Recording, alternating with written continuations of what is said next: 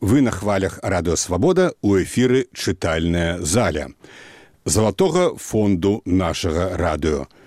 Уключаем архіўны запіс 1997 году.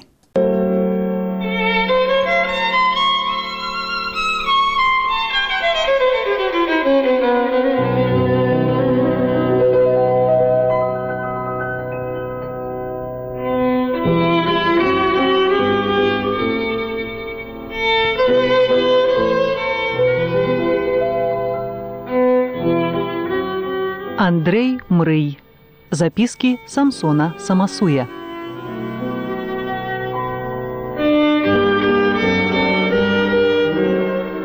У чытальнай залі радыёвабода класічны літаратурны партрэт савецкага беларуса. Напісаны з натуры і ў часе самага зародку гэтага тыпу.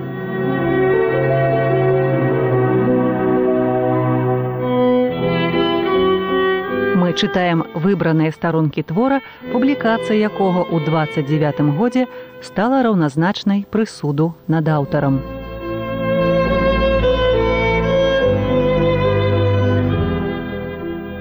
Каментары і ўспаміны пра Андрэя Мрыя і яго эпоху гучаць з вуснаў сучасніка, пісьменніка Сергея Грахоўскага.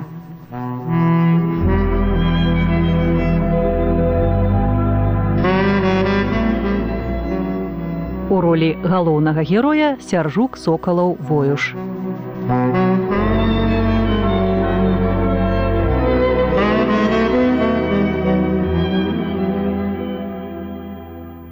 Зоя гаворыць, а мне чутна кажнае яе слова. Я за табою ўжо девятая гадзіна, а ты не думаеш. Пачакай, куды ляціш як на пажар. Лепш скажы, дзе ты учора была, чаму на сход не з'явілася пытаецца крэйна шкулік прычапіўся і мы разам пайшлі ў рабочы клуб на лекцыю. Лекцыю? Якую? Ад нічога цікавага. Збілі лектара з панталыку. Я добра не чула што гаварылі. Падсеў да мяне гэты чорт тэлефаністы свердзялюк. Ды глупства рабіў. Ой крэйначка чаго толькі не вёрс ён. Вось яшчэ чапяла чортава. Да душы кажу у другі раз не стерплю. А учора неяк нялоўка было цыкнуць на яго, ды вэрхалу зняць. У другі раз пры людзях абсаромлю, знайшоў цацку дурыла. Але ж скажы, пра што гаварылі хоць. А добрый не ведаю, нешта гаварыў пра наша мястэчка, як жылося тут даўно-даўно, тады, калі людзі рыбінамі іголкамі шылі, ды ў скурах звярыных хадзілі. Пасля быў тут нейкі князь баболя, які катаваў людзей за бульбу, бо не хацелі сеяць яе. Дык ведаеш, шкулік узяў блякнот ды пачаў даваць пытанне лектору, якая цана была тады на бульбу, які быў процент непісьменных, колькі было беспрацоўных, а лектар не б не мэ на гэта, а мы, апошнія словы я лезве пачуў. Крэйна, мабыць, мірганула, што я тут і з'яўляюся перашкодай для вядзення інтымных размоваў. Добра, падумаў я, цяпер я троху ведаю, што вы за птушачкі.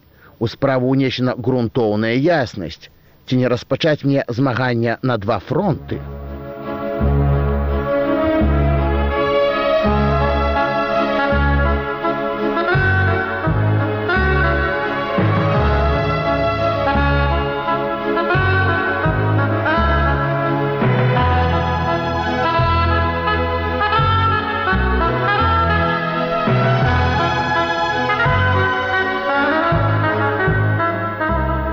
Я хутчэй пачаў апранацца, пырснуў вадой на свой твар і шпаркімі крокамі выйшаў на двор. Двор быў чысенькі, абгарожаны частаклетам.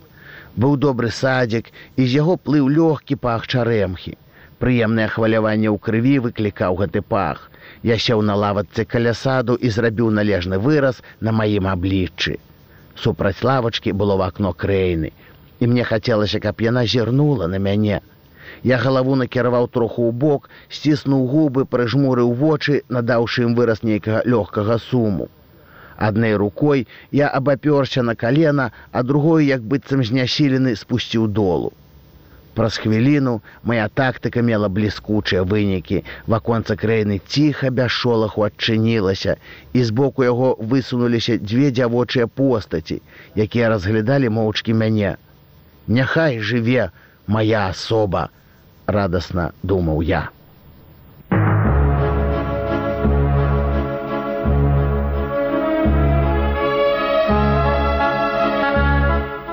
Няхай жыве моя асоба радасна падумаў я. Першы крок зроблены. Цяпер толькі трэба дэталізаваць праграму чыннасці і вызначыць, так сказаць, арганізацыйныя формы нямінучага працэсу. Сягоння ж трэба падумаць аб гэтым, як прыду з канцылярыі. Я ўстаў з места, цяжка ўздыхнуў, нібы ў мяне вялікае, глыбокае і шырокае гора. На хвілінку нібы аслупянеў. Я глядзеў у далечыню, дзе засадам сінела неба і зелянелі лугі, а за імі зялёную, нібы пуховую мумкаю прыгажэў вясновы лес. Прызнаюся, я трохі захапіўся малюнкам вясны і на хвіліну забыўся аб краіне. З дрымотна салодкага нямення мяне вывеў ціхі мелодычны дзявочы смех. Я зірнуў на вакно і прывітаў: « Добры дзень, крэйна, гэта вы смяецеся так рана, А можа, нельга так рана смяяцца, высунулася яна з вакна, за ёю і зоя. Абедзве прыветна кіўнулі мне. Крэйна запытала: « Ну як падабаецца вам кватэра сад? Я адказаў: « Ах, мілыя чалавечыцы!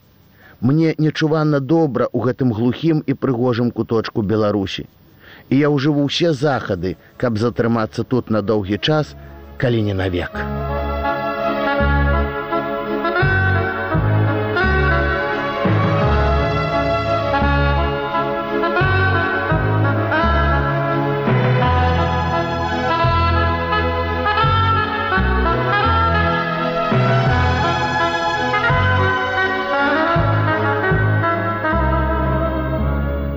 Пасля гарбаты я з краінай і зояй накіраваліся ў выканком.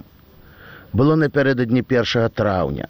Вуліцы падмяталі вокны, мылі ганкі шаравалі.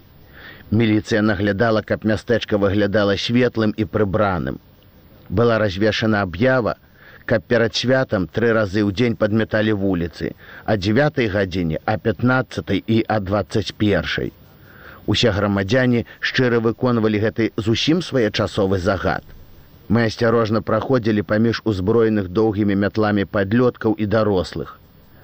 Прыходзілася пільна сачыць, каб не папасці ў самы пыл. А пыл быў узняты такі моцны, што нельга было нічога разгледзець.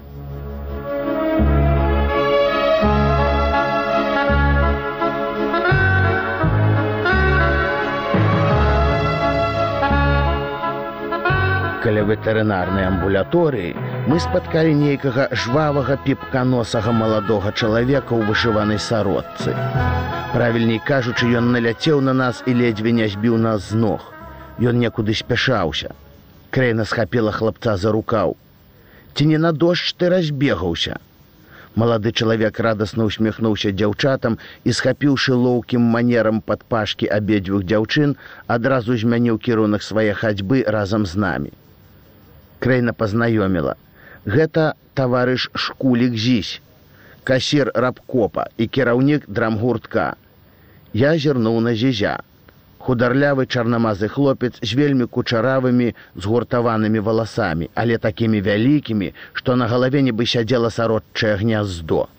У яго былі бегаючыя бліскучыя вочы, чырвоныя быконныя губы і крыклівы тлумна вясёлы голас.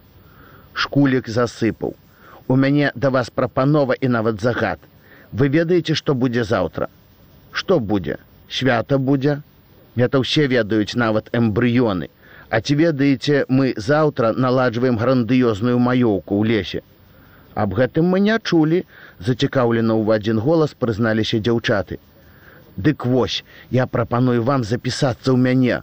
Ганеце адзін рубель з вашага чароўнага рыла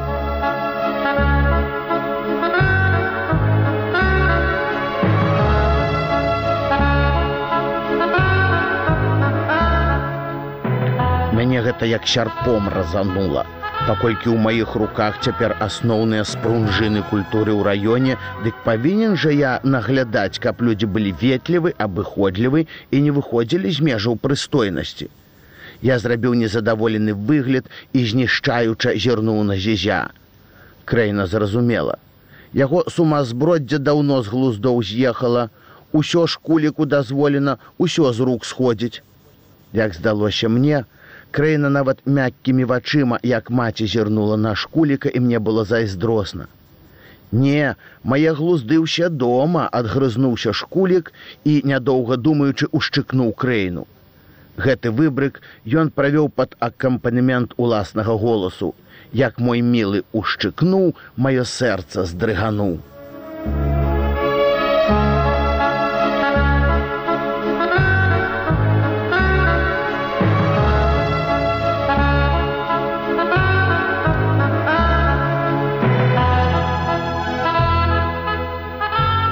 Мякка шляпнула яго па патыліцы.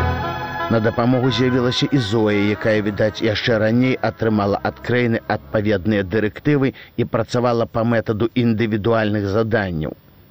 Не саромлячыся мяне, дзяўчаты ўзялі шкуліка на рэмус і рвалі яго за вушы, з небывалай актыўнасцю чапляліся ў яго валосся, з нечуваным здзекам адносіліся да яго ружовага твару.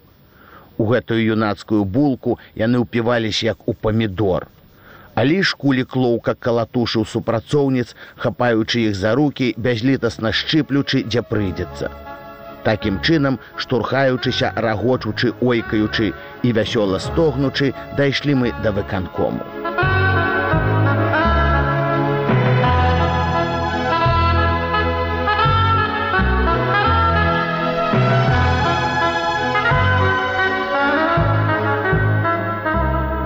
Я хацеў пайсці ў канцылярыю. Гэты шылахвост шкулік выклікаў у мяне паступова ўзрастаючае абурэнне. Крэйна спыніла мяне, А вы будзеце на маёўцы. Калі вы будзеце, дык і я.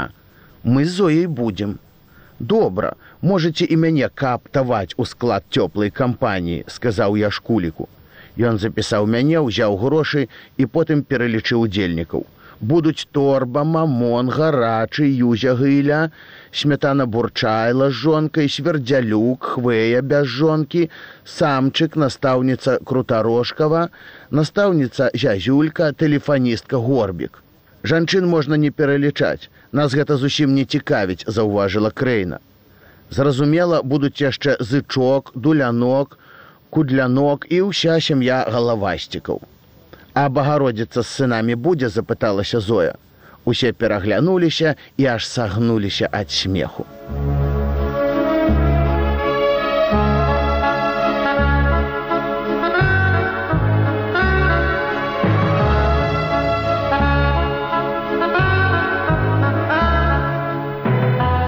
Я нічога не зразумеў. Крэйна дала тлумачэнне. У нас ёсць такая грандама, якую нехта назваў яшчэ гран-отель дама. А мы завем багародзіцай. У яе тры надта вучоныя сыны, адзін спецыялісты па сельскай гаспадарцы, другі юрыст, трэці нейкі дыпламат быў. Адным словам не людзі, а багі. Яны сыны у Маскве і прыехалі сюды, каб усё сваё кодла забраць туды. Нават бабу стагоднюю забіраюць, досыць жыць тут. Як прозвішча іх запытаўся я, Багародзіца была два разы замужам.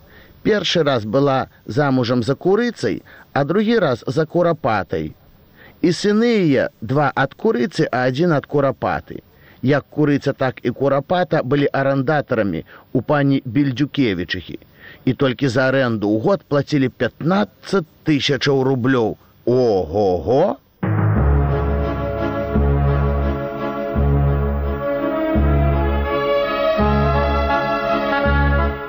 На хвалях радыёвабода старонкі рэпрэсаванай беларускай літаратуры.